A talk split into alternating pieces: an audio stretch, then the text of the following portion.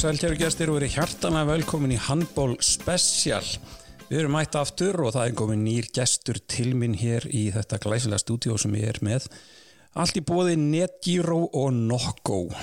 NetGiro er, hvað maður að segja, svona stafrænt kreditkort. Þú getur borgað með NetGiro og svo sapnar bara reikningum upp og borgar hann um mánamötunum. Þú getur klift plasti heima hjá þér og nota NetGiro á netinu og allt stafrænt eins og framtíðin er. Svo er Nokko að sjálfsögðu drikkur afreiks íþróttafólks og afreiksfólk í, í íslensku þjóðfélagi. Við mælum með því, NetGiro og Nokko.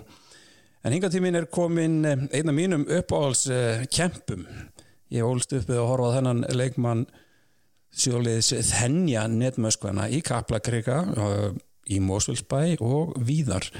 Hann var um, svona í minningunni minni þá var hann skitta en hann reyndar er hægri hornamaður. Hann er sá sem maðurinn sem fekk fyrstur nafnið Stálmúsin.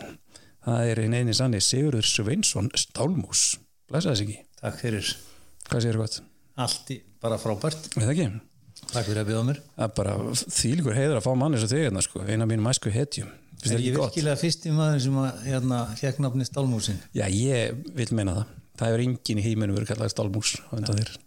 Þetta er Jóhannes í Múlakafi sem að gaf mér þetta nafn. Já. Ég ætlaði um það að að spyrja, hvaðan kom stálmús á nafni? Hann kom með þetta nafni einhvern tímann, hann jói í einhverju bríari og, og hérna skellti þessu á mig og fór að kalla mig þetta.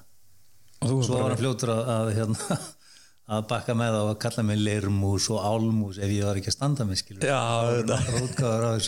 þannig að þú fengið þetta allt saman. Já, já. En finnst þér, er þetta ekki gott nafn? Stálmúsin, grjótharður og Jó, já, þóttum svolítið væntu það. Maður þú er ekki að segja lítill, lítill og snaggaralegur en, en að grjótharður að já. En það var, einhvern veginn fóru, fóru, fóru frétta menni kalla mig þetta og hefði allt í var þetta komið bara út um allt og mér varst þetta svo sem allt í lagi. Já, ekki. Aðmáli var bara að reyna að lifa upp, lifa, lifa hérna upp í það Standa undir þessu. standa undir. Það er líka, þegar hann komi, þegar hann komi lirmúsin og Já, hann já, já, það- súkulegumúsin og, og allt svoleiðis. Þannig að það er múlakaffið sem að sitja í þetta. Já. Það er ágæð, það er loksum Og veit mæti maður. Þessu verður náttúrulega margir verið, fengið þetta nafn eftir þér. Já, því ég, við þurfum að kanna það, hvernig, hvað, það- hvort það er eigi fyrir því, það, það veit ég ekki. Ég segi alltaf sko, þegar er verið að taka hinn á þessa leikmenn, ég ætla ekki að nefna neinn upp sko, en hérna þegar er verið að taka hinn á, leik, á þessa leikmenn og kalla á stálmúsin, ég segi alltaf, nei, ekki þessi, nei, ekki þessi. það er bara einn stálmús. Það er ekki, þú ert uh, svona í uh, minni minningu, þá ert þú í þessu F-áliði 1992 sem að vinna þrefalt, mm -hmm. setna meir ertu komin í, í, í afturöldingu 99, það sem vinna þrefalt líka. Þú, þú ert svona einn af þessum byggar óðu þarna sem að sapnaði tillum en hvar, þú spilaði með K.R. líka? Já, en svo varst mér bara að segja mér einn rétt það að þú ert alveg upp í Mósesbæ Já, ég er úr Mósusbænum, ég fluttist þangað þegar ég var 5-6 ára gammal og, og hérna ólst þar upp og byrjaði minn handfólta fyrir þar hjá Daví B. Sigursinni, já, hinn er með eina sanna eini sannig liðstjóri. já, Hann var að byggja upp handbóltana á þessum tíma og, hérna, og það svona giftist við það þegar ég er svona 12-13, ég byrjaði nú vissi ekki fyrir, en 12-13 ára, að þá hérna, sagt, eh, byrja ég að æfa handbólta með á þriðaflokki minni með að það hefur verið. Ég byrjaði ekki fyrir sko. En ég minna, var það ekki á þessum tíma bara eðlett 10, 12, 13 ára? kannski. já, Um, þetta var þannig að, hérna, maður gætt verið niður í íþróttósi allan daginn og langt fram á kvöld og, og maður nýtti sér það. Maður í öllum íþróttunum náttúrulega fótbolta og líka og handbolta og ef það var laus salur þá fór maður í badminton og fekk svona í þessum íþróttasala alveg langt fram með því kvöldið þannig til að maður já, með harðri hendi þetta er á þessum tímum sko, sem, að, sem ég þakka fyrir að hafa náða alast upp á þeim tíma líka sko, þú sem ekki alveg hjá gamlir að hérna að maður gæti verið að leika sér íþróttásun já, já, maður fór kvöldin. í íþróttur og maður fekk að leika og, og líka ef það voru æfingar skilur eða einhvern þá var maður að, að djöflast hinum einn í salnum meðan, meðan að hérna, þeir voru að spila kannski hérna og voru kannski ekki á þeim leik, leikveld Já, já. leikhelmingi þá var maður að djöflast já, já þannig að maður var ekki alltaf vinstæðast í hérna strákurinn á svæðinu sko. Ég veit það ekki, þú kannski að svona smá yfir á mig hérna, þegar ég var alltaf að leika mér í hinu salum þegar þið voru að æfa í grekanum, þá var ég af krökkunum hann Það verður þó tveir stæli, það var ekki alveg þannig í Mosó sko. Já, þú kannski verið meira fyrir í, í Mosó Það er minni, minni aðstæðan sko. og, og bannaði að leika sér í hérna, pöllunum að þeir voru 90 gráður Já, já, heim, Herði, þú ert í, í hérna, þessum lið, það er svona sérst á liðinu, drauma liðinu, hérna, samherjum, þetta er svona mikið til úr FA liðinu og svo úr afturöldingsliðinu, en það er nú fleiri sem við fáum að heyra þessum, einhverjur úr KR og, og hérna þaðan. Við viljum bara vind, vinda okkur beint í þetta. Í, þú nefnir þrjá markmenn, uh, kemur ekkert á óvart hver er í liðinu, er Bergsveit Bergsveinsson. Já. Hann er bæði með þeir í FA 92 og afturöldingu 99 Já, ég, ég held raunmjölulega að Beggi sé sko Beggi og ég séum þeirra einu sem hafa unnið þrennun og tvísvar Já, með hver liðinu. Já, með sitt hvori liðinu. Já. það var allavega unnið hana tvísvar ég Já. skal samt ekki alveg sverja fyrir það en, en, en hérna, lengi vel var það, var það, var það þannig. Já, Beggi er náttúrulega sko, hann er jafnaldri minn og við höfumst upp saman í gegnum og þekkjust í gegnum yngri landsliðin spilum þeim tíma var spilað ansi mikið og ansi þétt og eft mikið því að það var svona, það var, það var svona smá uppsveifla í handbóltana Jón Hjaltalín var að keira þetta svolítið vel í gang Já. Bóta var að þjálfa alansliðin og Geiri Haldsleins var komin með 16. liðin og þannig byrjaði hjá mér í landsliðanu sko. þar geti sér náttúrulega begga og, og svo að vera að fara kannski út þrísvar, þrísvar, fjóru sinum á ári á þessum, á þessum tíma og maður fekk svona ansi mikla reynslu á, á, á þessum tíma og, og, uh, það voru ansi margir af þessum strákum sem að gerðu síðan handbóltan að, að sinni íþrótt going forward. Það voru, það voru svona og, og, en, en Beggi var þarna náttúrulega uh, markmaður í, í náttúrulega landsliðinu var aðal markmaðurinn þar og, og hérna svo kynist ég á náttúrulega þegar ég kem í FH og spila síðan aftur með hann þegar ég fer, fer upp yttir í, í hérna í afturhildingu og hann náttúrulega bara veist, það, er ekki spurning að hann er náttúrulega bara markmaðurinn minn skilur. Að sjálfsög hann var náttúrulega bara stórkostlegu markmaður og hérna, markmaður og, og hérna líka hendaði hann mér þannig líka þegar maður fyrir út í, aðeins út í tæknina að hérna ég er náttúrulega hægri hótnamaður og það er til dæmis mín hlaupaleið í, í hérna í, í hérna hraðiplöpum er upp hægri kantinn og svo inn á miðju og beggi náttúrulega verið endur örfendur eins og ég þegar hann kasta boltanum með eðlilegri hérna svona, Mhm. svona, svona, svona spinninga þá hérna fer boltin beint já á gallin sko hvað er hann að gefa mörg mörg? ég allt og mörg.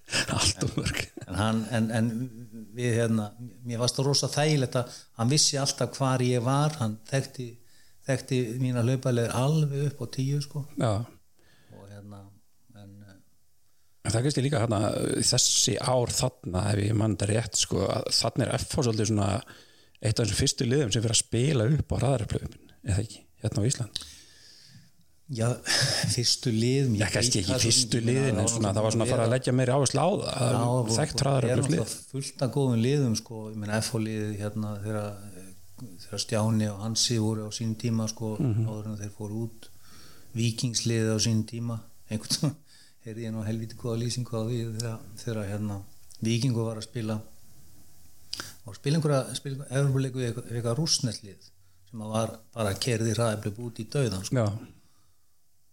þá sagði Bjarni Fela þarna hefði djöflin hitt ömmu sína þegar þeir, þeir mættu Já. vikinguna því að þeir kerðu meiri, fleiri ræðblum heldur.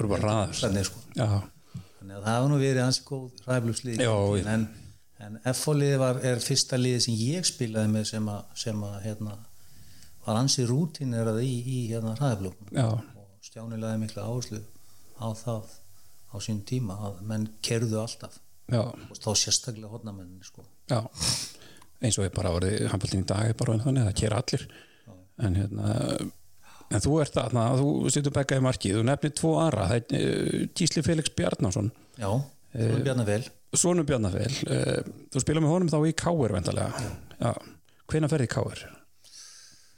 Þetta er einu spurning sem að ég er ekki alveg klár. Þetta er ekki alveg með Þetta er svona 8-10 og ég hef verið svona, ég hef verið 17 verða 18, ég hef verið svona Já, þú ert bara svona að byrja meistarlags Já, fyrirlin. það var bara um leið að ég fekk bílbróð sko, þá, þá Já. hérna, fór ég, fór ég og, í hérna káar.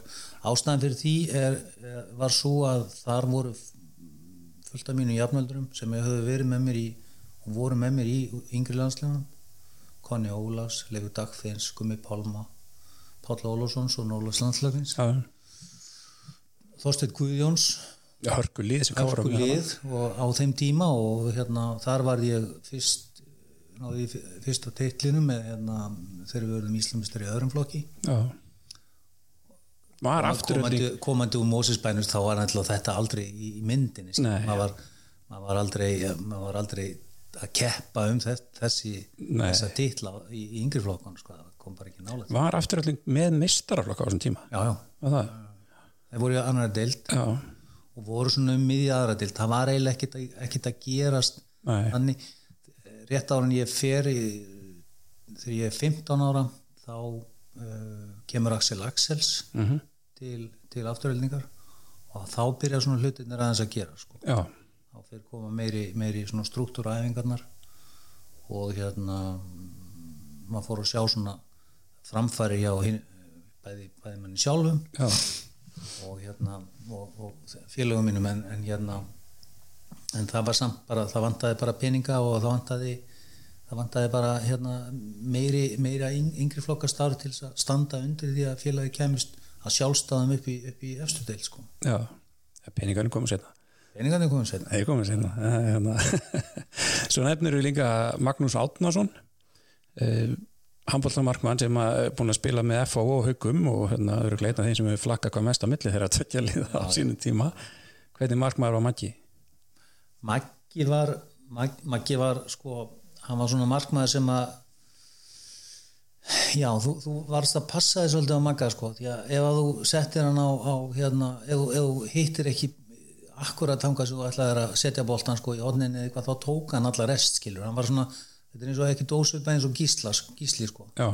Gísli var til dæmis algjört mörder í hotnónu sko. þess, þess vegna sleft inn mjög góðum hotnamönnum og þeir áttu bara í best, mesta basli með að skora framjá, framjá Gísla því að hann lokaði það vel í hotninu Já. Maggi var ekkit ósvipaður honum utan að velli svo kann Maggi tekið náttúrulega leiki eins og kannski þekkir Mhm. þar sem hann lokaði bara markinu sko.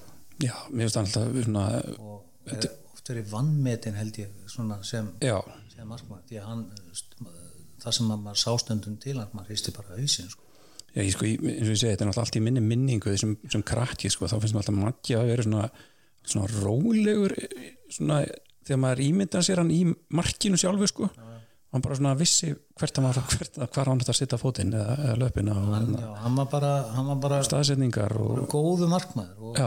og, og vel undirbúinn. og var náttúrulega hávaksinn þannig að hann hafði það með sér. Eins og, eins og til dæmis Beggi voru báðir, báðir svona hávaksnir og, en það var eitthvað það var einhver rófi magga sem að, sem að, sem að hérna, og náttúrulega allir sem þekkja hann er náttúrulega vita að það er öðlingsdrenguður og já, já hann, hann er ekki þessi hérna, uh, hvað er maður að segja hann er ekki þessi ruglutallur sem maður ímyndar sér. Nei, alls ekki ef þú setur Magga og Begga hlið við hlið og svona, þá sér það alveg hvor er rólegri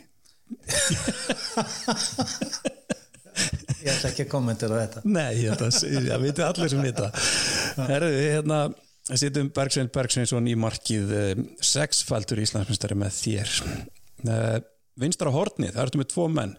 Það eru Konrad Ólafsson og svo er það Gunnar Beinteinsson. Þú mátt velja hvor er í liðinu. Konrad, Konrad spilar með í KR þá, mantalega Konni spilaði með mér í KR og, og, hérna, og í yngri landsleganum og náttúrulega var frábært efni og frábær hotnamaður, mikill íþrótamaður Já. en um, og, og hérna Gatsó sem spilað bæði skiptustöðuna og, og hérna hotnið en uh, ég myndi setja Gunnar Sand sem, sem svona minn uh, fyrsta kost er náttúrulega er, er ótrúlegu leikmaður bara ótrúlur íþróttamaður. Bara ótrúlegu íþrum og er ennþá ótrúlegu er, er hann ekki ennþá að spila kannski eða? Herðu, ég held hann að við hætti fyrra án gríns. Hann var, en hann á undir þetta samning við mig sko, að spila með hérna, Já, já. 83 liðinu og árgangamótinu í FH í handbólta það eru mjög fái leikmenn sem eru eins og Gunni, Gunni er og, og var. Já, því að hann gæti ekki bara spilað hérna, sitt hótt heldur spilaði hann líka og, og lengi vel í hægra hóttinu líka. Já, já, á línu og ekki síst var hann rosalega góður varnamaður já, hann var alltaf í toppformi. Alltaf. Og er ennþá. Og er ennþá. Og það er, það er eitthvað sem að sko, ég held að menn átti sig ekki á. Hann, hann hafði orku á við, á við tvo allan leikin hann, hann hætti aldrei. Já, ég lendi inn bara í því fyrir stuttu síðan ef var að tala við eitthvað sem að hérna, aðeins yngri en ég og man ekkert al, myndi ekki alveg eftir kunna beina sko. ég spurði hans, veistu hvað hann spilaði? Hvað stöð hann spilaði já, hann var ekki í hægar hótt, nei, hann var í vinst nei, hann var lín, býttu var hann miðumæður það var minningin bara hjá þeim aðla bara þannig að Gunni hefði verið allstar. Hann bara var út um allt. Já. og ég man alltaf eftir að sem hérna í svona 5-1 verð þá var hann fyrir framann eða ekki? Eða hann var fyrir framann og náttúrulega sko, hans, hann náttúrulega nöyt sín mjög vel þar vegna að hann, hann var það hann var það fljótur á löpunum. Já, og hann var hörku varnamæður og þannig að ef að, ef að, ef að hitlið misti boltan eða eitthvað þá var hann alltaf komin tveim, þreim skrefum undan og þá, þú veist og þá, þar með var það dæmi bara búið skilur já, og oft var það þannig að ræðablumi voru þannig að það, maður rétt svona skokkaði fram að miðju og Gunni kláraði rest því að hann var bara komin langt á undan öllum hinnum sko. já. Hva, Gunni, hann sko fyrir ekki atvinnum fyrir hann núna um 49 ára sko og spilar í Já, já. Akkur fór hann aldrei út Hann er alltaf byrjuð þér nú verður Gunni að svara fyrir sig sko, en, en ekki vantaði að hefileikana sko. Nei, og, og eljusemina og vinnusumina ég meina þetta er náttúrulega uh, ég meina hvað er talent á þess að, þess að vinna fyrir því sko, neitt hann hafði alveg hérna, hann hafði allt en kannski hefur hann bara lagt meira upp á námi eða vinnu eða, það er eitthvað öðru ég, Já, svo og segir maður í dag sko, alltaf var erfið ára á þeim tíma að komast út og, og svo leysa en, en hérna, já já en uh, ég, sko, það er eins og mér minni skal samt sko þegar hann fer út þá held ég að hann að við fór hann ekki til Danmörkur ég maður það ekki. Ég held að hann hafi farið í Danmörkur byrjaði í einhverju liði í annari deild nú skal ég segja hvort þetta er alveg rétt og allt í hennu voru þeir konir í efstu deild og Gunni að spila bara hérna og hann sagði mér einu svona þetta er bara hefur verið eins og að fá framlengingu á ferilin því að það var bara hörku hérna mæting af áhörundum og þetta er bara hörku stuð sko. Já, og hann bara spila vel. Já, ég meina hann er svo held ég að hann farið síða til Sviss sko. Já, þá er hann náttúrulega að spila í einhverjum svona, fyrir að mæta bara að ganni bara til að vera aðeins með og svo er hann alltaf bara farin að spila í deildakeppninni í einhverju þriði, fjóruðu eða eitthvað stiluru deildi eða eitthvað en samt ennþá að spila. Og ég veist, ég er ekki svona grínast því að segja, sko, hann gæti mæta á æfingu hjá líku við hvaða lið sem er. Og hann væri ekki, já. þú myndir ekkit sjá það að þetta væri eitthvað maður sem væri komin að þennan aldur, sko. Þetta en, en Gunni er svona Gunni er svona maður sem þú vilt hafa með þér í liði það er svona það, það, er, Já. það, það þetta ljúkaði með því skilur. Það, það er svona karakterin er bara þannig að hann gefst aldrei upp. Já, og það er búa gott að hafa svona menn í sínu hotni sko til, Já. til þess að vinna með sko því að það Og þá drífum mann áfram líka, líka og allt liðið líka Já. svona, svona gæjar. Og tala um þetta að gefast ekki upp það, er þokkala margar svoleiðis típur í þessu liði hjá þér sko. Þannig að hérna, ég myndi ekki vilja mæta þessu liði sem ég er að horfa hérna á blæðinu hjá mér sko. En ég myndi vilja halda mig Gunnar Bendursson fer í vinstra hornið þá hann gæti spila líku við hvaða stöðu sem er.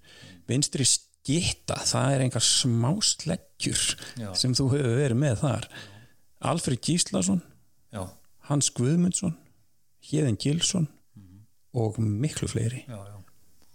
Fullt af fullt af hörku leikmann. Þarna nú svol- svolítið erut með að með að, með að stramma mig niður með tvo eða þrjá en, en hérna ef ég ætta sko sísonið sem að, sem að ég spilaði með Hansa var náttúrulega þannig að Hansi var algjörlega ótrúlegur. Já, það er náttúrulega það er 92 sísón það er 92 sísonið þá það var alveg sama hvað drengurinn gerði. Það var allt inni en það var hann sko hann var með hann var langmarkaðist maður í deildinni sko. Já, og spilaði eins og kongur sko. og þannig er fyrsta skipti sem ég spila með Hansa. Og hérna það er náttúrulega spilað á mótónum í, í gegnum tíðina en, en hérna þarna fannst mér hann virkilega sko, hann kom mér svo mikið óvar sko, og sérstaklega þegar mann fær að standa svona nálatis og sjá, sjá hvernig hann stundum var að, var að hérna, taka þessa gæja og, og pakka þeim saman hvort sem það væri vörn eða sók sko. ég, ég hef bara aldrei séð svona á það sko og það gekk einhvern veginn allt upp hjá, hjá honum á þessu sísoni Já, ótrúlega skýta. Ótrúlega skipta og bara ótrúlegu karakter sko hérna líka veist, skemmtilegur í hóp og þú veist, svona temmilega rugglaður og, og hérna, skemmtilega, á skemmtilegan háttarsölsu og, og svona bara hérna, eins og maður segir, bara svona ótrúlega, ótrúlega karakter þá er maður, þetta orð karakter það er svona, þetta er orðið svona maður heyrði í hverju ennum stíðurstólýsingu að liða vinna leik sko, en hann er svona típa það orðað þannig, hann er svona karakter típa. Að hérna og ég finn það náttúrulega mjög fljótt þegar ég kem í til mér sér F og það eru, það þarna ákveðnar þú veist, þarna er ég að koma inn í félagskap sem er orðin ansi svona, ansi vel kynntur sko. það, það, ég ný, ég er nýi gæðin sko. og hérna já, svolítið áhugavert að koma inn í svona, svolítið svona veist, að menn þekktust mjög vel. Með, með Gauja og með Hansa og Stjána og mm Þorgil Sóttar og Dáni og Beggi og allt svona menn sem eru bara búin að alast upp saman alast upp saman og hérna, mér var skaman að svona, koma inn í og finna svona væpi í hópnum, það var allt öðru í sig heldur en ég hafði alveg upp með sko. en, en, en Hansi Hansi var, var hérna var algjörlega, átti algjörlega frábæð sísón og svo fór hann árið á eftir fór í hákáminn mig. Og fann komið í staðinn. Já, svo kemur hann aftur árið árið 94 sko. Já, 94 held ég við höfum tekið byggarinn já. Unnum, unnum hann segir við eh, hérna, að hérna unnum káa í, í, hérna, í höllinni. Alveg eftirminnilegt talandi um það hérna, í þeim leik þá, þá skora Beggi yfir völlin við, við erum bara slátruðum F á slátræði leiknum og hérna ætla að reyna að segja F á þess að við hérna, slátruðum leiknum sko og það verður í raunveru þegar Beggi skorar yfir völlin að þá vissi maður að við vinnum hann leik. Þetta var það Valdi Gríms og, og þeir voru hérna í, alveg í hérna káaliðinu og Valdi var eitthvað meittur og öll dramatíkin var svona þannig hvort að hann myndi vera vélslega helgin áður. Alfred var nú ekki alveg annað með það. Það er dottið að vélslega hlýðarfelli og, og, hérna, og meitt sér já, en hann var samt frábær eins og venlega algjörlega. Og ég, ég man í þessum leik sko 94 byggarúslit FHK að það er allir að pæla í því hvort að Valdimar Grímsson verði með eða ekki. Og það er allir byrjar að hita upp. Þá kemur hann hlaupandi út og fyrir að hita upp svona eftir öllum svona, þetta var eitthvað svaka dæmi. En sko það sem eins og mér fannst aðeinslegt þegar Beggi, að því við tölum aðeins oftur um Begga að hérna þegar hann skorar yfir völlin sko, þá, þá var það alveg jafn óþólandi 1999 þegar hann er komin í afturöldingu og skorar yfir völlin í byggarúslitum á mótið að fá og þá er mitt við sem var á sama tíma að við erum ekki að vinna þennan leik. Þannig að hérna, þannig að það er svolítið fyndið. En Alfred Gíslason? Já, sko Alfred eh, kemur heim eitt ár. Já, ég held að sko, nú þarf ég að vera upp. Ég held að hann hafi verið já, hann kemur held ég frá Þískalandi Mhm. þetta er árið sem að þetta, þetta er 80 þetta er 88-89 já, þetta er árið sem hann verður hérna, sem þeir vinna hérna bjökjefna og hann kemur hérna heim til, til í Káar í eitt ár. Hann, ég var ekki alveg kláraði hvort hann hafi bara ætlað sér að, að hætta eða eitthvað en hann, hann endaði á því að fara síðan árið og eftir aftur út til og þá fór hann til Spánar. Mm held hann að verði býða að sóa eða að minnir hann hafi spilað með þýli. Já, held að það er rétt. En þarna er allir bara bara eins ótrúlega sterkur og góður eins og hann getur bestur verið sko. Já, og hérna og það er einmitt sko maður horfði bara á hérna þennan leikmann spila sko langt fyrir ofan allt sem maður er nokkuð tíma sé sko.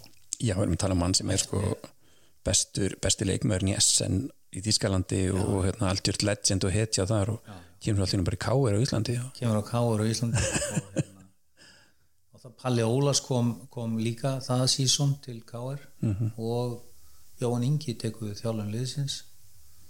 Þannig sem það- hafði þjálfað hann í SN eða ekki? Jú, jú, Jú, já, hræddur um og það var til þess að Káur var í öðru sæti í hérna östu deild bara held í tveim fyrir stegum eftir val sem að var Íslandsmeistari. Já, þá var, var ekki spiluð sagt hérna, hérna úslitakeppni, það var bara hafa bara deiltin, já, já, og, já, þarna spilaði hann alltaf bara frábælega, ég man sérstaklega eftir leik við FH niður í strandgötu. Sem allir held ég að við sett einhver 10-12 sko. Já, við náðum, náðum jafntöfli 20-20 eða eitthvað svoleiðis. Það var eitthvað, eitthvað svoleiðis, það var á þeir, því kaliberi sko. Já og maður er líka að hugsa sko, þú veist, ef maður setur þetta í samhengi í dag sko, þá er þetta bara eins og einn af bestu leikmannunum þú veist, ef að Ómar Ingi kemur allt í hennu bara heim núna. Já. myndi spila eitt tímabil með veist, bara í er í breðaldi eða eitthvað svoleið sko. Þannig að hérna, þetta er Hann alveg svaka moment þegar hann hann var kemur. alveg á toppnum sko, í, í getu fannst mér þarna sko. Já, en svo fer hann, ég, hann fer til býta svo hann uh, á Spáni. Hann tekur samt ekki langa tíma þar, hann tekur bara 89 til 91 já, var ekki 2-3 ár sem hann var Jú. svo, svo hann ekki bara, svo kom hann aftur til Káa og, og Já. Byrjaði að spila þar og, og hérna, tók þá áfram í, í gerði það meisturum? Já, já, gerði það mesturum Já. ég, ég þekki það sem afturöldingamæður alveg þú veit að þá spilaði hann ennþá sko. Já, já, já. já, já, já. þú mannst þetta því, já, þetta ég verð náttúrulega aðeins að nýpp í því sko fyrir það að farið úr FH og farið í þetta afturlýsli sko. það bara rólega mér. Já, ég fer alveg ég fer alveg en já, það er um, hvern, hvernig ætlar að hafa í skiptunni ætlar að hafa Hansa ég held að ég verði að hafa hans að já. Ég, annars kemur hann á rútinu já, hann, hann, hann, en þú nefnir hann að Híðan Gilsson líka. Já, er náttúrulega sko ég spilaði náttúrulega með hérni í gegnum yngri landsliðin. Já, og svo var hann bara með einn hlutan af sínum ferli þá var hann úti, svo kom hann heim og kláraði hérna með, með okkur hérna í FH síðasta ári mitt með FH, já, sem er þá síðasta. 95 eitthvað svo leis já, 95-6 eitthvað svo leys, það geta alveg verið þá var hann orðin komin svona smá í meðsli þannig að ég hérna ég svona kýsa að horfa svolítið á hann þegar hann var að spila með yngri landsliðunum já, og maður sá það við, við, við spilum í hérna í 21. sliðinu þá endur við einhvern veginn á því að ná í 5. sætið í heimsmestramótinu mm og það mót spilaði hérðin bara gjössalega frábælega sko. Það var einn af bestu leikmunum bestu leikmunum mótsins fannst mér. Já, og þarna voru sko Dushbaev og alls konar hérna kongar sem voru að spila líka sko. Og hann var alveg, hann var alveg á, á pari við þá fannst mér. Það er bara rosalega skitta sko, við tölum um sko alla alla þessa menn sem hún nefnir, alltaf rosalega skittur sko, hann og hans er örugglega eins ólíkir og hægt er. Þannig séð sko, en ég, bara, ég man alltaf eftir hérna Farið upp í rjáfur sko, og held að myndi endi í loftinu sko. Þannig að við sittum Hans Guðmundsson í, í vinstri skiptuna og færum okkur á miðuna þar ertu með þrjá. Alla frekar ólíka myndi ég halda, Guðjón Átnarsson hinn ótrúlega fyrirliði F-álinsins um, á þessum árum.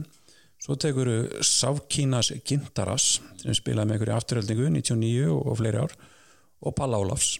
Já. uh, byrjum á Gauja Gauji er fyrir mér svona hann er bara fyrirliði F-á Já, hann er svona hann er aðeins þá það sem kallaði svona the quintessential. Já, skilgreiningi, undir orðundur orðabókinni fyrirlið þá er kannski mynda gauja það er mynda Guðjón Átnarssoni þar já, bæði hans bara temperament og hérna, hans, hans svona hvernig hann kemur fram og, og, hérna, og, og heldur sjálfum sér sko. Já, það er svona, talar við manni eins og hans sé bara fyrirlið inn sko. Já, fyrir utan það að vera náttúrulega frábær leikmaður og, hafa- og, og hérna og um, bar spil eh, bar spilið ansi vel upp og frábærlega upp því að hann, hann ekki bara var hann sniður sjálfur að, að koma sér í færi og náttúrulega skora heldur var hann rosalega með mjög góða sendinga getu já, og dreif sóknarleikin al, alveg mjög vel með sér. Já.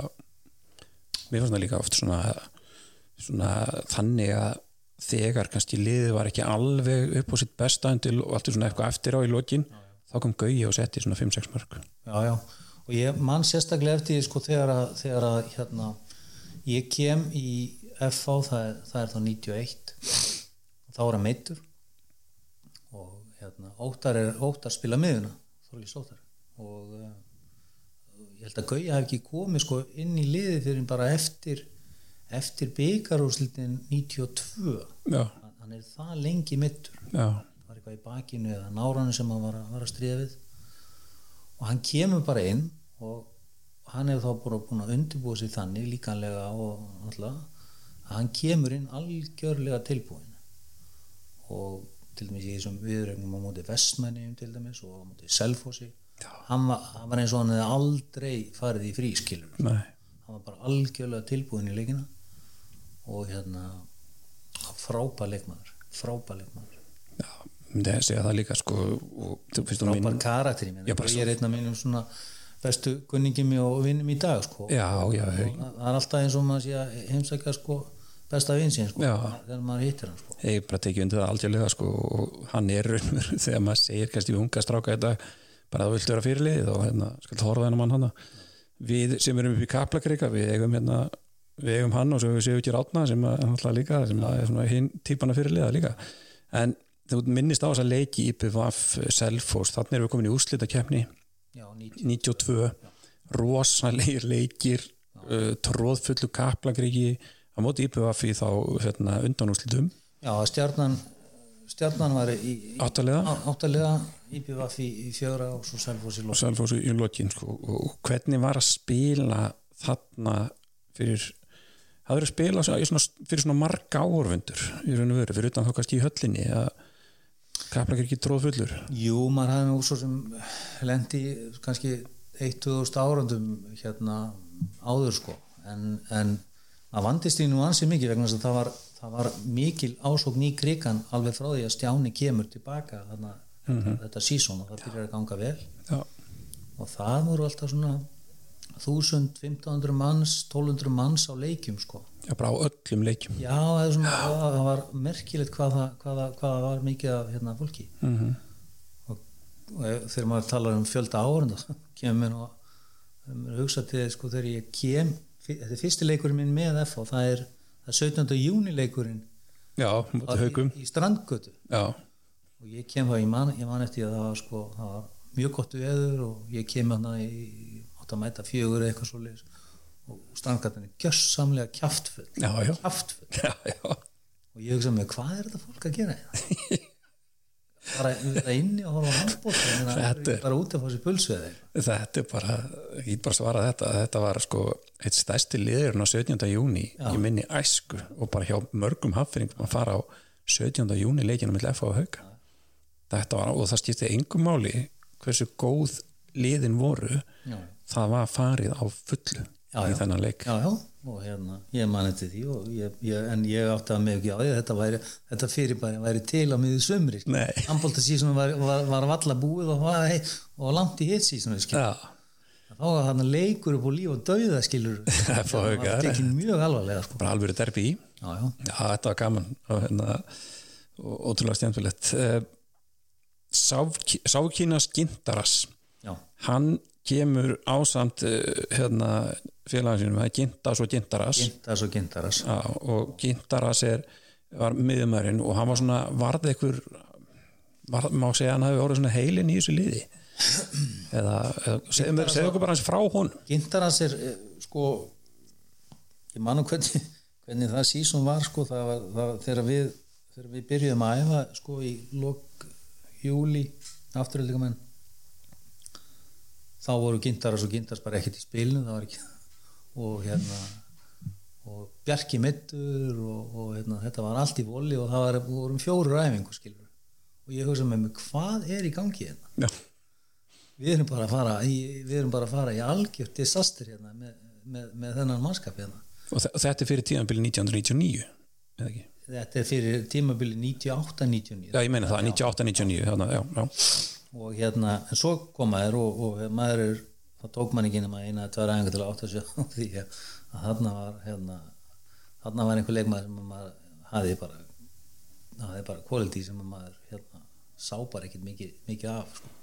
Allt öðru í það sig sleipur sko Allt öðru í sig heldur en margir aðri hérna á Íslandi leikmaður hann hann- hann- ef, ef, hann, ef það var smuga þá tróð hann sér í hana einhvern veginn mm -hmm. ofbúðslega snöggur skinsamur og hörku hör- sterkur, sterkur sóknamaður sko. Mhm.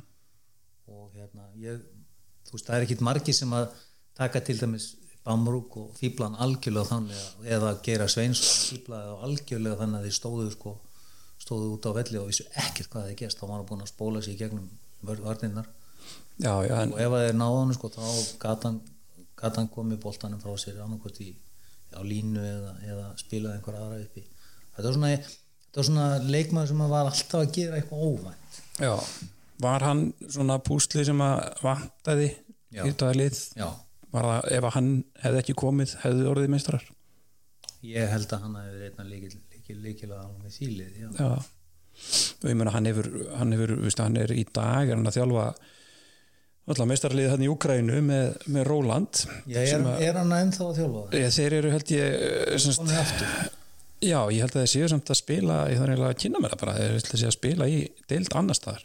Já, það getur verið Já, hérna. það, hann og Rólan er að segja þeir það var nú einhverja fréttir að þeirra ferðalagi sko út úr Úkrænu bara skömmu eftir að stríð Já, þeir voru í Evrópukeppni eða einhverju eitthvað svo leis og voru leiðin tilbaka og voru ekki komnir heim til sín þegar að innrásin hjá þeim hefst þarna og hérna.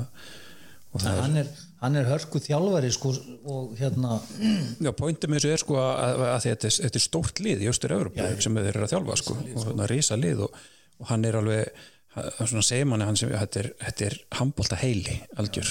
Þannig að hérna ég man þessu, þessu 99 liði sko að hérna mér fannst, all, mér fannst alltaf gintas hérna mér fannst aldrei geta neitt nefn bara mútið FH en hérna en hérna hann skora alltaf eitthvað nýju tíu mörg svona, maður býr sér til grílur sko. En gintaras var eitthvað þannig að maður gæti ekki annan heilast á hann hann var bara, bara þannig leikmaður á þessum tíma. Og í dag þá veist hérna hérna Jannustandi og svona gaurar þeir minna mig á hann finnur alltaf leið, já, þeir finna alltaf leið í gegn. Alltaf leið. en þú nefnir, og hann hafði náttúrulega eitt sem var hann var óskaplega vel þjálfaður já, mikill íþrótmaður og hann var þannig að, að, að maður fann það líka þegar maður var að spila sko á mótonum í vörni eða eitthvað að, að hann gæti verið með fjögur, fimm hraðarstíf sko. hann skipt um tempo á, í miðri fintu og allt í nú kemur hann rólega á þig og svo bara sást hann ekki skilu. hann var bara bara, farin hann bara farin sko. og þannig að þú gæst aldrei verið einhvern veginn rólegu nálatónum ef hann var að koma á þig sko. já Þóra séð að hann í liðið fyrir fram að gauja? Nei, nei, gauji verður í liðinu. já, fyrirliðin verður verður í liðinu. Talar hann ekki við mig? Nei, það fær ekki að fara í kólum með hann uh, Palli Ólafs. Já, það er nú engin smá, smá handbólta hetja sem var nefnið þar, hann kemst ekki einu sinni í liðið þar Já, nei, hann kennst ekki í liði hjá mér með, ekki með, en ég náði nú kannski ekki nema einu góðu ári með Palla. Mm. því að Palli, hann, hann sleit crossband held ég á ári nummer tvö já, það var það var bara að sjá það en, en hérna Palli, Palli, Palli náttúrulega bara kemur þarna úr atvinnum sko, og er bara á, á því, kaliberi. Já, og hérna maður sá það náttúrulega bara þegar þegar hann, þegar hann og Alli koma sko, þannig eru bara leikmenn koni sem eru, eru bara með gæði.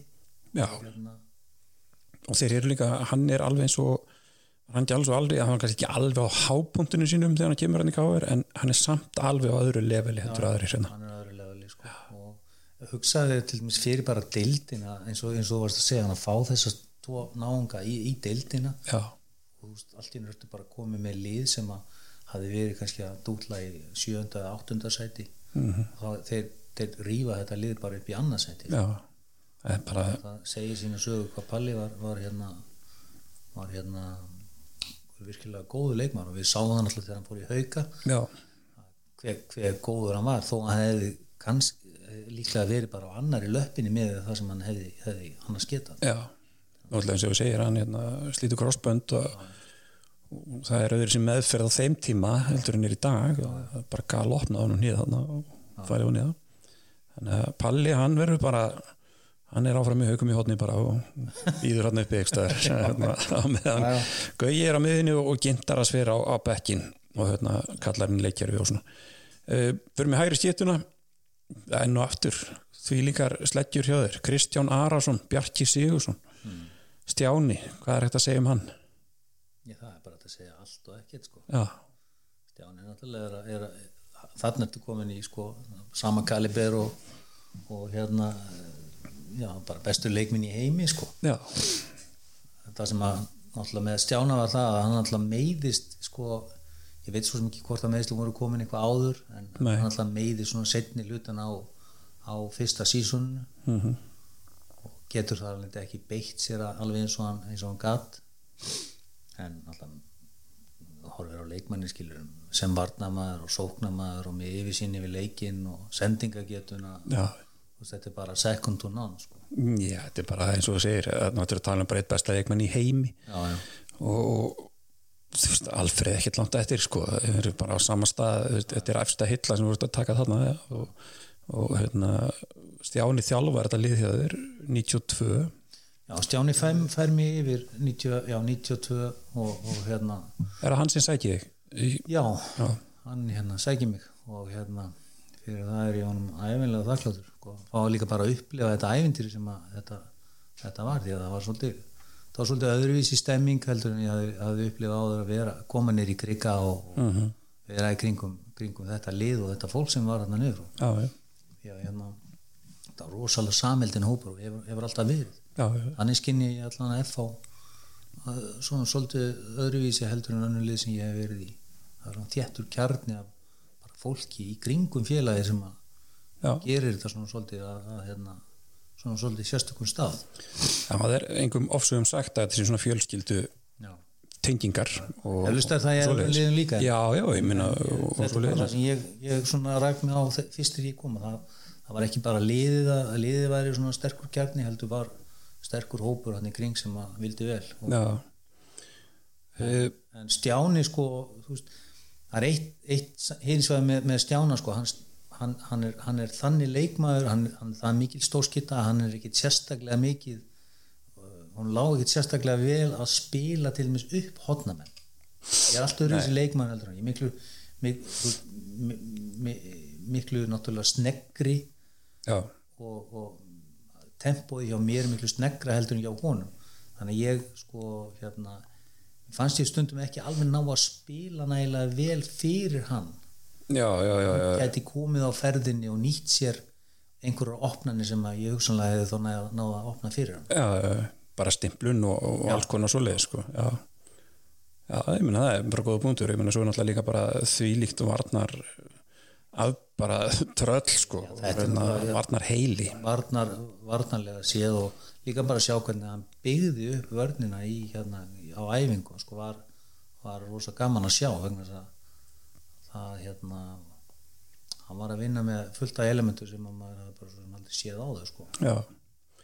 En svo náttúrulega er hann, fer hann og þjálfar erlendi, svo kemur svo aftur og þjálfar F á 99 og þá ert þú komin í afturlendingu og, og brýtur í honum hjartaði með því að vinna F á í bæði dildu og byggarúslundum og, hérna, og úslandkefni og, og, hérna, og þar spilar hann með Bjarka Sigursinni Já, þar er annar maður sem var algjörlega stórkostluður handbóltamæður og bja- ég talandi um skilur hvernig þú smellur saman við, við, við leikmenn það til dæmis við Bjarki við smullum algjörlega saman. Já, Bjarki hafði þessa svakalegu snerpu sko og hérna til þess að nýta sér sko það sem ég var að reyna að gera í hótninu fyrir það, það er það sem ég gatt sko.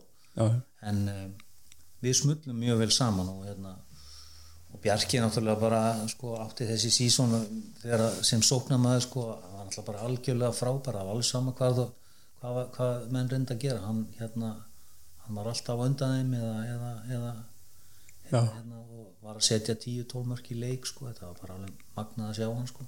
bara ótrúlega sko, mér varst alltaf eins og hann væri með svona, með svona eldfluga gorma í hérna kálunum á sér sko, hann bara sprakk upp í loftið sko, alveg stökk beint upp einhvern veginn sko, og hérna og er, Bjarki fyrir svo þjálfar eftir líka? Jú, Varstu, þú varst ennþá þá eða ekki nei, varstu farin? Þá er ég farin. Já, já, er, það er árið eftir ég hætti sko, já, sagt, já. En Bjarki líka svona, hann lendur í þessum, þessum hnjömeðslum og, og svoleiðis en að veist, hversu langt þegar hann geta farið ef hann hefði ekki verið? Ég veit það ekki sko. Ég, hann, hann, átt, hann var nú svo sem búin að eiga í þessum hnjámöslum þegar ég semst, það, það var áður sem að það kom heldur en hana, þegar hann er að toppa raunverulega með afturöldingu já, já, já. Já, hann er alltaf komin úr heim. Já. þannig að hann er búin að spila úti og já, í drammen og, og einhverjum spilað þar í eitt ár, kom síðan heim. Hérna, þá áttu við þetta sísón hann var 98-99 já, og þá spilaði hann alveg eins og engill sko. já. Tökum hans, tökum hans bara þetta tímabil 98-99 með afturöldingu þetta verður eitthvað slags svona ég ætla ekki að segja one hit wonder en, en samt svona þið farið rosalega hátt upp fa þið fáið sko stórkostlegt lið og, og vinnið þess að þrennu og, og Európukefni og eruð hátt uppi en svo einhvern veginn dettur aftur líka aftur niður og hafi ekki náða að koma upp aftur Nei. og við erum alveg að tala um 99 þannig að það er alveg komið svolítið tími já, já. hvað gerði þetta lið svona gott?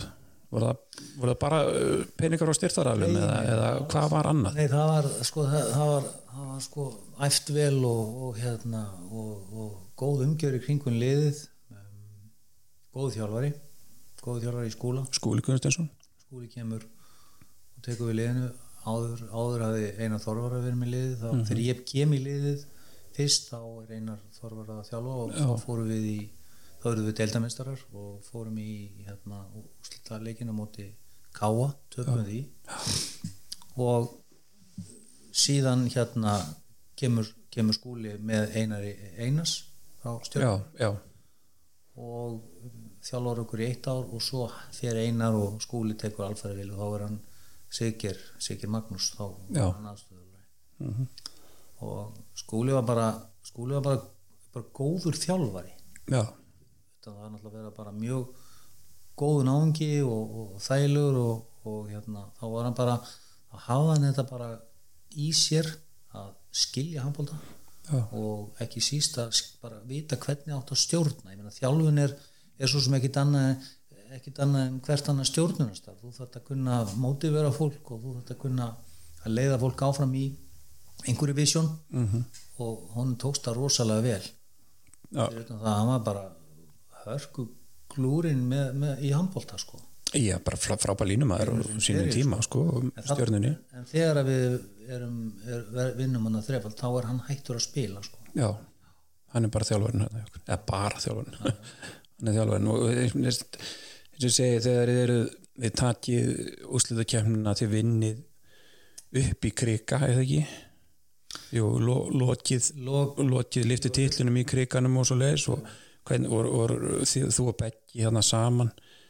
Þið fóruð ekki á sama tíma eða í afturlíku nei, Beggi fór Beggi fór einu eða tveimur árum undan mér uppbyttir já, já 94-95 tímabilið. Já. þannig að hann verið byggamistari með frá 94 og, og hérna það var nú ekki vinsalt þegar hann fór yfir. Nei, meina hann er alltaf með mann sem er rótgróin FM ég hefði nú allan á það að ég sko, er ættaður á Mósisbænum og hafi spilað Já. með liðin ár þannig að ég var svo sem að fara heim ég get ímyndað mér að það hefði verið erfitt fyrir hann að sá ég 100% það líka til dæmis þegar við verðum meistarar hérna með afturrýtningu í í, í krikanu sko. Hann fagnaði því ekkert skilur hann Já, hann, það ekki, hann, hann flaggaði nú afturöldningsfánunum hérna nýra á bæjarskristöðum held ég daginn eftir. Það. Já, hann hann er kannski, það hefur kannski verið bara til þess að íta við ekki alveg skilur. Það er gott. Hann sig hann að hann er beggi sko. Já, en þegar að svo þú fengið setna yfir líka og var alltaf spurningu að fara í uh, heimahagana, fara aftur í raun og veru heim og veist, vissur að þú er að fara í lið sem var að fara í titilbartu eða, eða viss hvernig lið varst að fara í? Sko nei, ég, svo sem ég langa bara að taka þátt í þessu æfintýri í mínu, mínum heimabæm ég ætluðum að flytja upp eitthvað líka Já, þannig að það var svona þetta var svona líka það sem tókaði sko. Og upp eftir er þá inn í Mósesbæ upp í Mosó Já. ég, er alin í, upp í Mosó Já, já, akkurat, akkurat. Og tala við Haffering sko, upp eftir sko, það er bara upp í Norðubæ Já, ég skil. En, en hérna en, en liðið þá sko það var svona bara það var að, það var að koma upp. Það voru þannig aðeins eins og Palli Þóróls og Gunni Andresar og Jason og, og, og Bjarki. Já, Jason var að vísu farin en Bjarki var þarna. Já, og hérna bara ágættis lið ekki í marki og trúfann í vörninni og það var hörku lið en lið sem að hafi samt verið að svona rjáttlega við kannski fjóruða, fymta sæti. Já, já, það átti að gera sagt svona meistaralið. meistaralið við að reyna, reyna að koma, koma liðinu áfram og ég minnir að eina Gunnar hafi komið Já, á sama, sama tíma. Og það var gerð tilraun á því ári sko. Mhm og það gekk ekki alveg, við töpum fyrir Káa í úslitum og Káa var þá með frábætlið með Dúra Nóna og Alfred Gísla og Já, bara ótrúlega lið og bara svaka svaka svona, Patrikur Jóhannes og nei, Patti var farin var hann farinn? Já, ok En Dúra Nóna Dúra Nóna menn en hérna það var, það var svona það, það, klúburinn sem ég var að koma í þá var allt allt öðru, öðruvísi heldur en klúburinn sem ég hafi farið úr Já, mörg árum áður, það var allt annað yfirbræð á, á öllu sko. Já, ég man alveg eftir að það var, það var rosa stemming í músisbænum á þessum tíma. Það var alveg, það var svaka trommusveit og stuðnismannasveit og, og enduristar sjálfbóðlið bara eins og fylgir náttúrulega í velgengni. Að hérna, það hefur verið gaman að fara og taka þátt í þessu. Já, já. uh, Þú situr uh, þarna og situr Bjarka í hægri stíftuna ásand Kristján Arasinni svo nefnur Stefán Kristjánsson. Já, Steppa Steffi Kristjáns. Steppa spilaði ég með í Káir og í FH Já, ég held að það sé einhver- einhverjum ásum sagt að Steppi Kristjáns hafi nú verið einna bara efnilegstu handbóltamönnum bara sína samtíða sko. já. Ég held að sé nú ekkert margir til eftir hún Nei, en ég man eftir hún já, já við, Ég man eftir hún úr FH en ég man, ég man ekki meira sko. Nei. Hvað var, hvað var þeim Steffa Kristjáns? já, hann átti í smá erfiðleikum með meðsli Já. en Steppi spilaði sko, hann spilaði náttúrulega svolítið áfram, hann spilaði með FH, hann fór í minni mig Já, og hann átti nú svolítið fyrir sko. en Steppi var einn af þessu leikmunni sem að gat skilur stokki og svo hangið eins og allir hilma sko. svo henguði bara hangað til að hangað til að hitliði að koma í vörð sko. er, er ég að bylla er, er hann og Óli Kristjáns bræður? Nei, nei, nei. Það held ég ekki. Það var bara eitthvað, höfum það þannig samt. Nei, nei, nei, ég var alltaf hérna, hérna, allt ín fór, mér fannst hann og Óli nei. Steppi var, var alveg rosaleg skitta sko. Já, og hérna spilaði, spilaði ekki mikið vörn en, en hérna, hann var alveg hörku skitta já, og gaman að, gaman að spila með honum sko. já. Mikill veiðumör Já, já, þannig að þið eru oft saman í onni nei, nei, ég, svo sem ekki en hérna, hann er hérna held ég, ég held hans ég með þess að leiðsögumæður í eða svona gæt. Já, en hann kennst ekki Nei. Við ætlum að setja við setjum Kristján Arason í hægri stýttuna Bjarki með honum, varnaskipting höfum þannig. Uh, Hægra hornið, þú setur Bjarka líka neyri hornið, já, ég var að hafa eitthvað skilur varst að hafa eitthvað. Bara, svo nefnur mannin sem að sko er eini maður sem að ég man ekkit eftir og ég bara ég horfði á nafnið og ég sagði bara þetta er eitthvað sem var með hann í bekk eða eitthvað. Guðmundur Albertsson, Guðmi. Gummi Alberts. Segðu okkur frá honum, að ég get ekki sagt þér neitt. Já, nei, nei. Gummi Albers er, er vikingur það upplæði held ég. Ég spilaði með honum í Káar og hérna hann eh, já hvað skal segja um Gummi ég meina hann var bara hörku hörku hotnamaður kemur úr, úr hérna úr náttúrulega frábæri liði sem vikingu var og hérna já, góður haflusmaður og hérna sterkur varnamaður og hann spilaði nú líka fyrir utan með káar á sín tíma að, þegar að hann að steppi kemur.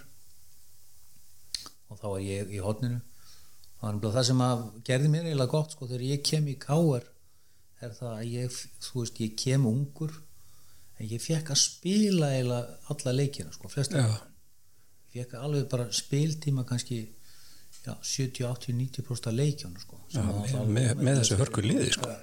unga leikmenni svo með á þeim tíma sko.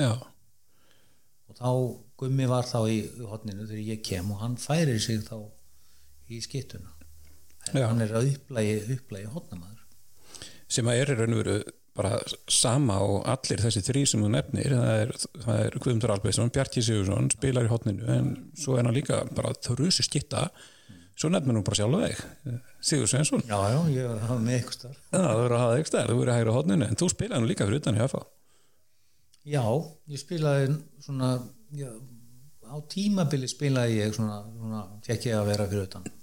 Sérstaklega þegar Stjáni var, var það er þá tímabili nummer tvö cirka já, að þá er Stjáni bara orðin lélugur í öxlinni og, Mhm. og hendi mig fyrir utan sko. Já, var, var það var af manneklu sem að vandaði í raun og veru eða, ég skinjaði þannig sko. Já. þá kom Gunni nýr í, í hæra hótt sko. Já, og það er svona ekkert svið, ósvipað með hann eins og með, með, með, með mig raunverulega eins og Stjána, ég átti erfiðleikum alltaf með að spila upp hotnamannin ef ég Já. spila í skittu, ég var alveg eins og spýtukall sko. já, já, þannig að Gunni Greið var, var geimtur hann í hæra hodni, fekk aldrei bólta finnst bara vel með einhver þínu sorry Gunni en, en hérna en, um, fannst þið gaman að vera í skýttu? já, mér, mér fannst það rosa gaman sko. ég spilaði það í yngri flokkana sko, en, en leiðum að komin í skilur á móti mönnum sem voru um tvo metrar skilur þá já. átti maður engar sén sko. ekki nema að eiga einhverja stjörnuleiki sko. Mm er það er það, ég meina, í svona í fljótu bræðin, voru þetta eitthvað sem er dettur við núna sko. er, er þetta meira hjá örfendum hodnamönnum að þeir eru settið fyrir utan heldur en hjá réttendum hodnamönnum mjög manni bara eftir það er þú, við tökum Valdi Grímsfór og spilaði fyrir utan Einar Rafn Eðsson hefur gert það núna undanferðin árin uh, Átni Bræði í afturöldingu núna hann hefur komið fyrir utan líka er þetta eitthvað svona örfend dæmið, er það kannski að því að vanta bara örfenda? Ég er það ekki bara? Ég, ég myndi ætla það, menn, menn myndi vilja þá frekar nýta sér, nýta sér örfendan leikmann og setja þá réttendan í hægra hotnið, Já. bara til að halda sko, meiri, meira tempo ef boltan verið utan sko. Já, það er skynja það þannig sko. ok, bara ég finn ekki það að maður sinni að vera frábær skitta eða eitthvað en, Jú, jú, stórkostlur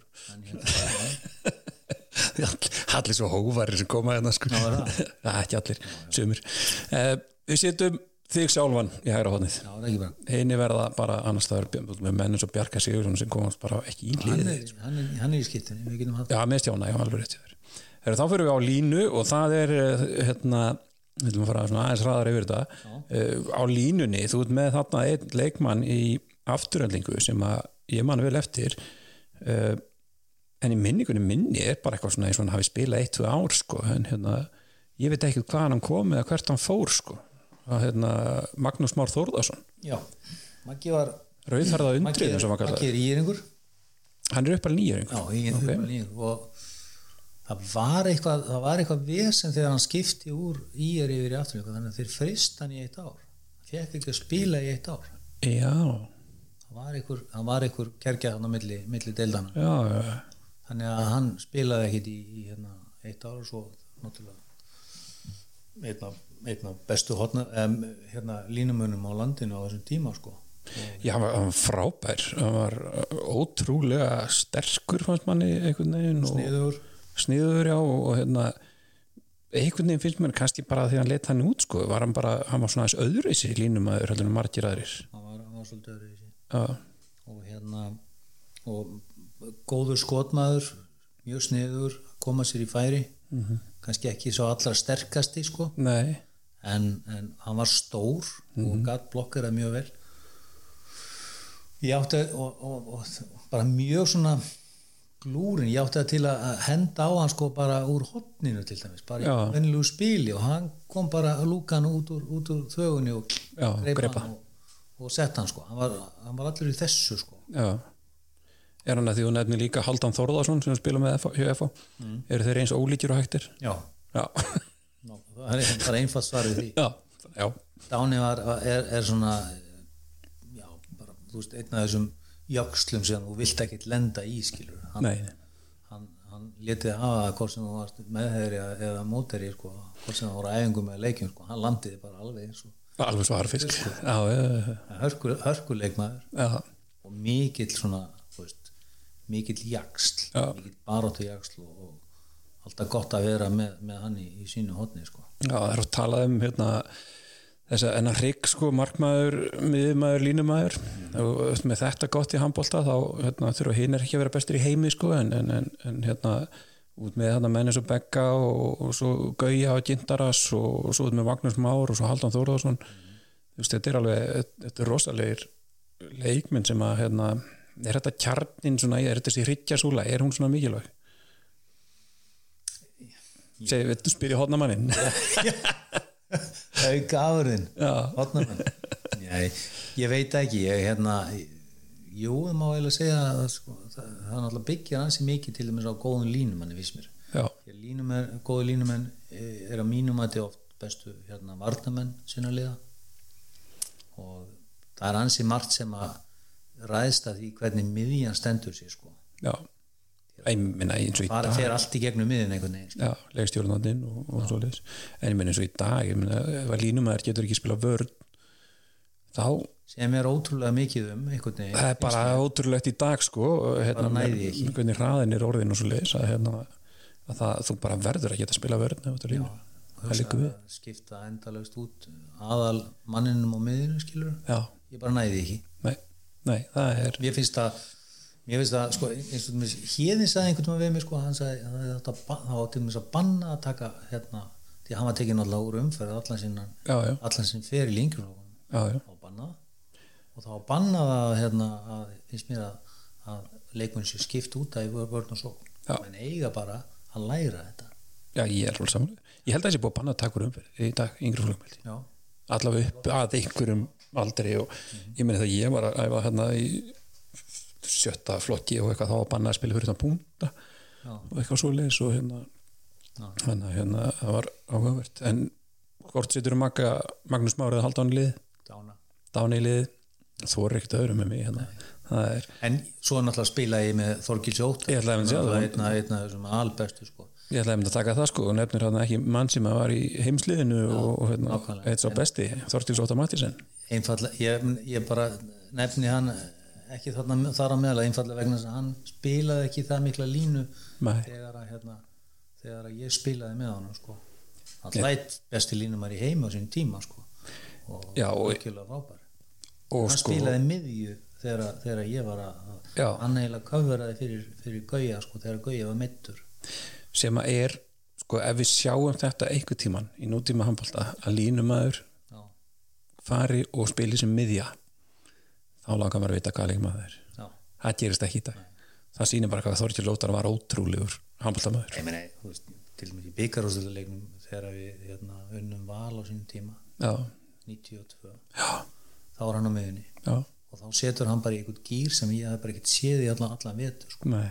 Og hann er komið 5 eða 6 mörg í, í hérna, rétt eftir, eftir hálfleik sko. já, og hann bara vann leikinn svona nokkuð veginn þægilega fyrir okkur sko. þetta gæti hann gert sko. já, fór bara í ákveði, ákveði svona ákveðina stillingu já og svo var þetta bara og hann líka, hann líka annar næstum annan svona leiðtóa aldjóna leiðtóa, ég menn hann þjálfar F-háliði 89-90 sem verður mistari já, já. og hættir svo að þjálfa heldur fram að spila og, hann þjálfari liði held ég bara árinu áður en Stjáni kemur sko. já já, svo kemur Stjáni heim, tekur við lið og þá er ekki sóttar heldur áfram að spila. Þeir náttúrulega eru bestu vinnir já, já, og- algjörlega. fimm það er ekki Haldan Þorðarsson á hérna línuna. Uh, Varnamaður, þetta er vörð sem ég myndi ekki vilja mæta. Þú nefnir Alexi Trúfan já, þú spila með honum í afturlíku og og að fáið það ekki? Já, hann kemur hann kemur og spila með Viking nei, er ég að fyrir að byrja spila með Víking. Já, FH já, svo fór hann þaðan í afturlíku já, um, ótrúlegur íþróttamaður. Já, heitin hann er Já. áinblessaður já, það var leðilt að heyra. Já. en um, hann er bara hann er alltaf bara varnamaður par excellence. Hann, hann er hérna hann var ótrúlega fastu fyrir. Og ef þú horfðir svona vel í vídjóinu þá sástu hvað hann var virkilega grófur sko. já, og hann, hann var með öll trikkin sko, í bókinni. Þannig að þú varst já, já. það er líka til vídeo sem hann er ekki droslega lúmskur sko, en já, hérna maður sem þú vilt ekki lendi hann svona hakka vel bara alveg. Sko. og, og setur sko, stillum upp vörninni við setjum hann fjóra turna Alsi Trúfan, Kristján Arason Einar Gunnar Sigursson og svo Gintas Karl Káskas já, sem kemur líka þarna 99 með, með Gintaras þetta eru náttúrulega sko, þetta eru tröllmenn. Og við erum búin að aðeins tala um það hvað Stjáni var mikill svona hvernig hann lagði upp vörnina þegar hann var að þjálfa og, og svo spila náttúrulega líka. Einar Gunnar Sigursson þetta er, þetta er maður sem er sko þrýr og átjána hæð sko. Ótrúleg tröll. Hann var bara hörku, hörku leikmaður sko. svolítið í vesinu með meðsli en sem varnamaður var hann alveg ótrúlegur. Og þú, þú fyrir svona ka- kalla eins og mig sko, við, reyndum bara ekkit að vera nálat svona mönnum sko, því að þeir, þeir, þeir, þeir löndum hann alveg vinstri hægri sko. þú veist ekki að leysa mikið inn? Nei, lítið að því. Já, já, þeir voru nú fyr, fyrsti, fyrsti leikurinn minn hérna, sem ég spilaði í, með Káar það var í Reykjavík á móti, móti, móti Val. Já, og svo er hérna innleysing frá hodni og ég leip inn og hver stígur fyrir mig hann að Þorbjörn Jensson. Og þetta er svona eins og þetta er svona eins og þegar maður hle- hleypur og svo hleypur maður á vegg, maður heldur áfram að hlaupa þú ferð ekki neitt og svo lag ég niður eftir. Og svo minnum við að hann hafi li- litið svona niður um þessu velkomin í deild. Velkomin það var svona svolítið fílingur eins og að lenda í honum eins og að lenda í einari eða, eða trúfan sko, þeir Já. fórst ekkert mikið, mikið lengra svona með, með segja sko. Nei. En Gintas, var hann var hann betri varnamæður heldur en skitta eða var hann bara svona upplugur á báðamöndum hann var, hann var betri varnamaður heldur en og, en, en hann var uh, hann var mjög sterkur varnamaður mm -hmm. það var einn af, einn af hans styrk, styrkum sem, að, sem hann kemur með inn í afturlega leið en hann spilaði bara mér fannst hann fara vaksandi eftir því sem leið á fyrsta sísonið -hmm. sem sóknamaður, hann komst kannski bara meira inn í, inn í spil hérna á þeir áttu báðir alveg ótrúlega úslutakefni já, það fannst mér og sérstaklega Gintaras náttúrulega. Já, já, en Gintas var, var mjög vaksandi svona eftir því sem leið á. Já. Það ert að velja einn af þessum mönnum til að vera varnamæður fyrir þig. Ég bara, segja að trúfan sko allt. Já, hann er náttúrulega bara ótrúlegur var, uh, blæsir sem hans minning. Uh, alls í trúfan er varnamæðurinn í hliðinni hér. Já, svo þarftu einhvern veginn að hafa þjálfara á þessu liði já allir, við séum ekki bara nokkurn veginn góðið með að hafa Kristján Arason? Já, hann er sáttur við það. Já, hún nefnir náttúrulega sjálfsög eins og við töluðum um mann Kristján Arason, Skúli Gunstirsson, frábær þjálfari. Já. uh, kannski synd að Skúli hefur ekki haldið áfram að þjálfa mikið? Eða, eða? Kannski bara ekki haft tíma í það alltaf, ég, var, ég var í fullt af öðrum hlutum sko skúli og hérna held að sé nú bara sáttum með sitt en, en hann var hörku þjálfari sko. En Stjáni er náttúrulega bara alla, og er með alla þessa reynslu þú, þú sér náttúrulega þegar hann kemur hérna heim eh, 99, kemur ekki heim bara tekur við liðinu. Jú, hérna á mjólinni eitthvað svo leis þá var FH í fjóruða eða fymta seti og hann fer, fer með liði bæði í úsliðleiki byggar og í, í hérna. Íslandmóti. og meira segja sko spilar. Spila vörnina. Gæti ekki lift hendinni. Ekki nú með það, hann var alveg varnamaður hérna tímabilsin hann var líka langt bestur já, já, já, bara þannig. Já, já. Það er hérna, þegar var sagt að þeir sem hafa verið Sivigir og fleiri sem að, hérna, voru að koma inn í liðin hann að læra af Kristján Ara sinni. Það er bara ómyndalegt uh, þú nefnir líka Geir Hallsteinsson hann bótt að góðsögnin já, Geir er náttúrulega indislugu maður og hérna og bara allir þeir sem að æfðum hjá Geira voru bara með stjórnir í yfir, yfir Geira sko já, og hérna en hann svona hann, hann alltaf tekur við unglingalandsliðinu þegar ég fer í 16 ára lið. Mhm. er, er, með, er með það lið þegar ég er valinn. Og bara kynnti okkur fyrir bara hvernig menn ætti að hugsa um sjálfa sig, hugsa um íþróttina þú veist ákveðin, ele, ákveðin grunni element sem hann bara kent okkur. Hann var ekkert að flækja þetta mikið. Aldrei, aldrei vesen á einu en einu jú stundum átt hann erfleikum með að kveikja á vídeotækinu. Fann ekki playtakan stundum. Já, já, hann þjálaði mig í þriðaflokki sko, og öðrum flokki og hérna djár okkur að byggamesturu með þess að og, sjálfsögðu, Já, já. og hérna ég gleym aldrei liftingaplaninu sem við fengum sko, það var óla prikkallar sem að hérna sem voru að lifta priki. Svo fórum við bara upp í sali og hérna ekki til búa sinni og hann tók blað og hendi. Já, ekki litist nægilega það. Nei, það gerir allt til að náttúrulega verður að vera minnst á hann hér.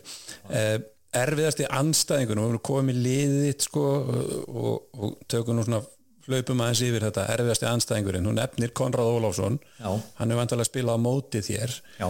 eh, sem vinstri hotnamaður og þú hægra hotnamaður mm. -hmm. Soltan Belani og svo nefnir Nikola Jakobsen já, sko hann ást það er bara fyrir mjög áhugavert sko. Já, ok, við viljum kannski byrja á Konna Konni er bara þannig þannig leikmaður uh, með þannig hérna, þannig uh, svona tempo. Hann átti bara illa við mig. Ég var endalus og vandræði með mm. rosalega sterkur fyndari. Mm.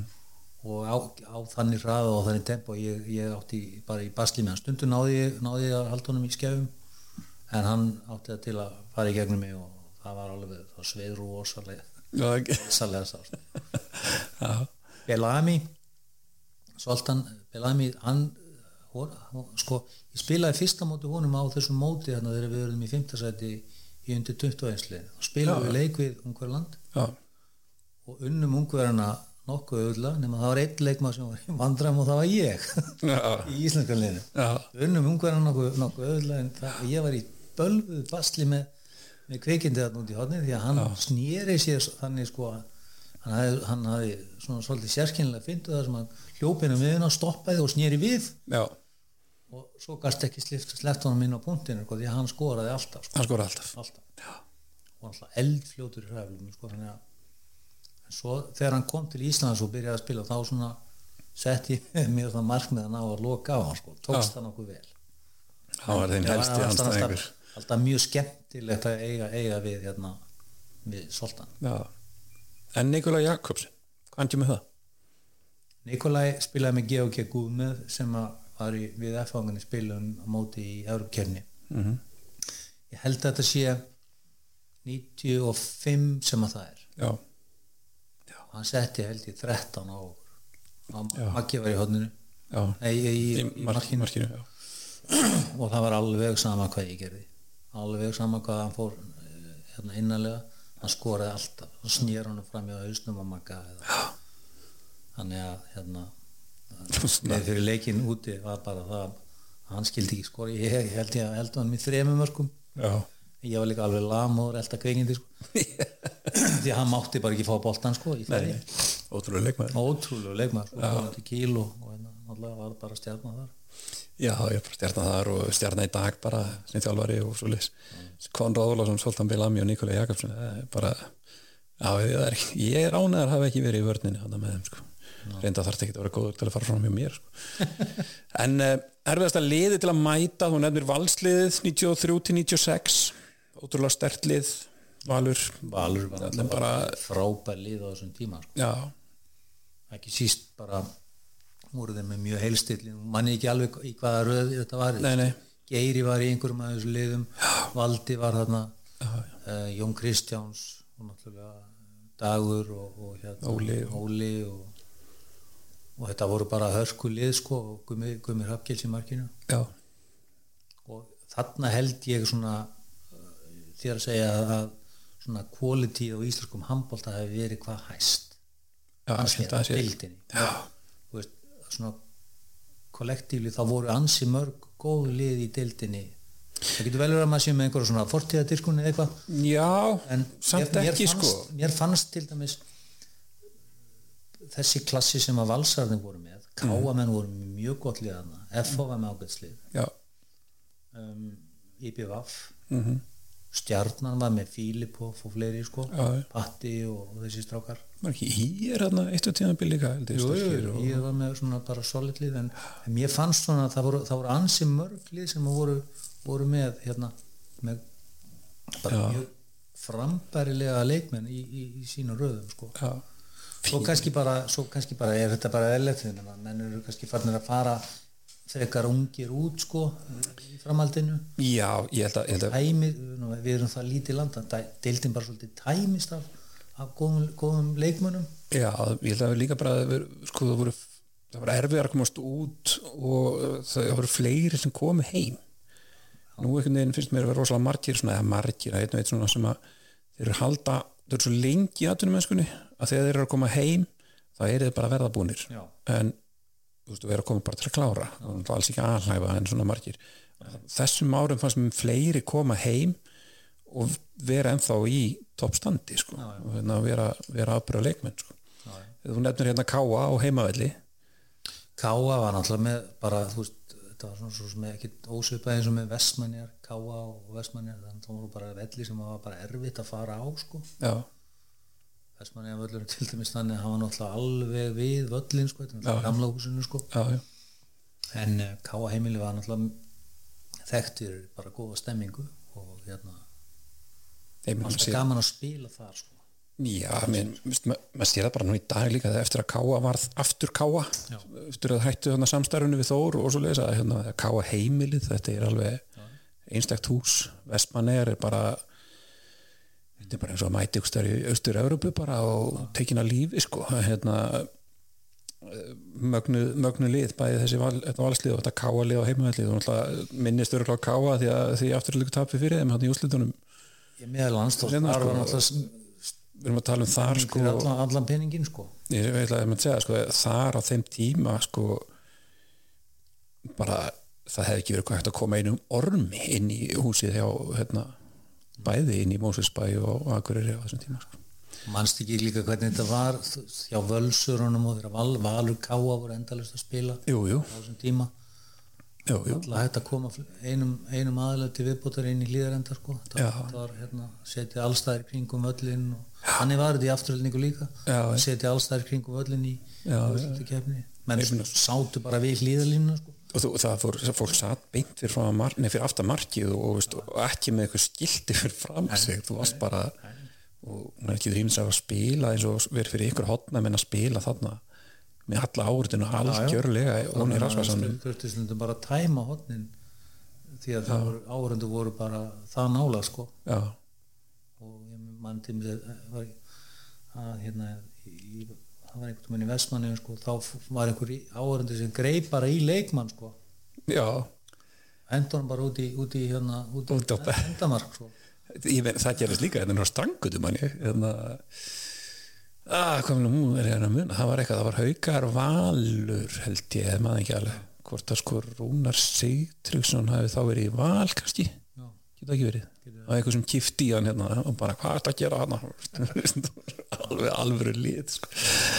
Þetta er, þetta er hérna, erfiðustu liðin til að mæta. Drauma liðsfélagin, þú ne- nefndir það nú eiginlega áðan að þú vildir hafa einhvern mann í liðinu en það var það Guðan Átnarsson Guðjón Átnarsson, þeir eru svo margi ég, ég, ég maður bara var svo heppinn að fá að spila með mörgum góðum sko og hérna fá að upplifa náttúrulega bara það að vera í góðum liðum, það er ekkert alltaf, alltaf allir sem geta sagt að það hafi verið í góðum liðum nei, nei, nei. og hérna ég á kannski erfitt með að velja einn, þú veist, þeir eru svo margir sko, ég meina, Já. Gauji, Gunni Beggi, Já. veist, þetta eru bara uh, ég meina Bjarki eða, eða hver, hver sem það var sko, það, það var svo margt, mikið af, af góðum handbóltamönnum sem ég fekk að spila með þannig að ég ég eiga þessar spurningu það eru liðseldin. Það er liðseldin. Já. sexfaldur Íslandsmeistari hérna, nei, hérna, meistari á tveimur tíðanbölum og hérna á, hlýtu liðseldin að vera góð. Uh, svo farið hérna tvær svona einu auka spurning það er eh, Nokko teimi, það er náttúrulega við erum í bóði Netgyro og, og Nokko Nokko er, er drikkur afreiks fólks, afreiks íþróttafólks og afreiks fólks almennt. Uh, mælum með því einhverju þrýr einstaklingar uh, sem þú vildir hafa í draumaliðinu sem þú spilaðir ekki með. Þú velur Nikolai uh, Karabatic Ólaf Stefánsson og Veselin Vujovic Já. Karabatic, það er náttúrulega það er bara eitthvað fenómenon er að mínum að þetta er besti handbóltamæður heimi nokkuð tíma bara sögunar Já. er það uh, bara hann er með allt? Ég bara, ég maður er alltaf búin að, búin að alast upp við að horfa á, horfa á þennan mann spila, spila sér í, ég veit Já. ekki hvað 20-30 ár og alltaf er hann á, á eða við toppin sko. Minnst hann svona að bara í minningunni þá lítur Karabatic út þú veist, 19 ára þá lítur hann bara út og þrítuður hókin á reynslu. sko. fúlsjákjaður og grjótarður og ótrúlegur íþróttamæður já, já. Ólafur Stefánsson. Ólafur Stefansson alltaf bara þú veist maður alltaf bara að dásta Óla í, í, mörg mörg ár sko. Bara hvernig hann hvern- hvernig hann nálgun er á handbólta Mhm. og hvernig hann hérna, hvað hann var rumverulega effektífur sem leikmaður, mér finnst það alveg magnað. Hans svona, hans svona nálgun og náttúrulega geta inn á vellinum. Meina, við munum náttúrulega allir eftir leiknum til dæmis þegar, þegar hann fer með, með sínu lið til Kíl og vinnur þetta meistara til deildina bara upp á sín eigin, spýtu sko. Það var með 11 12 mörg eða 14 með hérna Sýta Dreal síðan real já, Já. það voru búin að tapa held í fyrirleiknum. Já, og hann tók þetta bara yfir. og tók þetta bara yfir sko. Það er nefnilega, þú veist, að því að finnst svona oft uh, það er erfitt að segja eitthvað að segja gert lítið úr honum eða eitthvað þannig en að því að hann alltaf búin að fá endalist viðtjenninga fyrir það sem hann hefur gert sko, en ég held að fólk að, horfið svolítið á hann í dag sem svona aðvarsli sérstaklega, alveg skrítin muni eftir viðtölunum, bíp og eitthvað svona, eitthvað svona bulli sko. Og, svo okkur um álvægirum og vangjum í dag sko hérna, en, en nákvæmlega þetta sem þú veist að tala um sko, hann náttúrulega mætti stundum inn á völlin í sko stærstu leikjum bara heims og var lang bestur hann var, fyrir mér er Ólafur Stefánsson bestu leikmaður sögunar hann er, var aldrei neitt nonsens í handbóltana það var, hann var grjótarður í því. Hann, hann gæti verið með alveg fullt af hérna pælingum um hitt og þetta og bara Já. allt, allt í lagi með það og mjög gott. Hann ég völlin skinjaði aldrei á honum nema að það var í 100% með einbyrnum á handbólta þegar hann var að spila. Já, ég hugsa líka bara að þú myndir setja mjút bara vel undirbúin í það sko. Þau bara um að setja mjút og bara að horfa handbóltaleg og sér það Ólaf Stefánsson spila þetta er bara ótrúlegt ótrúlegt eintak og, og, og, bara, bara ótrúlega einstakum maður. Svo setur þú Veselin Vújovits Já, Vesilin Vújovits var nú sko, hann er fyrsta skipti sem ég raunverulega verð svona svolítið starströkk þegar ég er að horfa hérna á F-fæðingarna að spila móti metal og plastika sabat mm frá hérna þá Júgoslavi Já, þetta var eiginlega hryggjar hérna, hryggjastykkið í Júgoslavinska landsliðin sem var olimpimistari 84 og þannig sá maður nú fyrst hvernig ætti hvernig væri hægt að spila handbólta sko. Já, þarna voru þeir með Isakovic og Vujovic og Rínic og ég man ekki hvað þeir heita hann allir svona. Mm -hmm. fultanöfnum sem enda á Itch.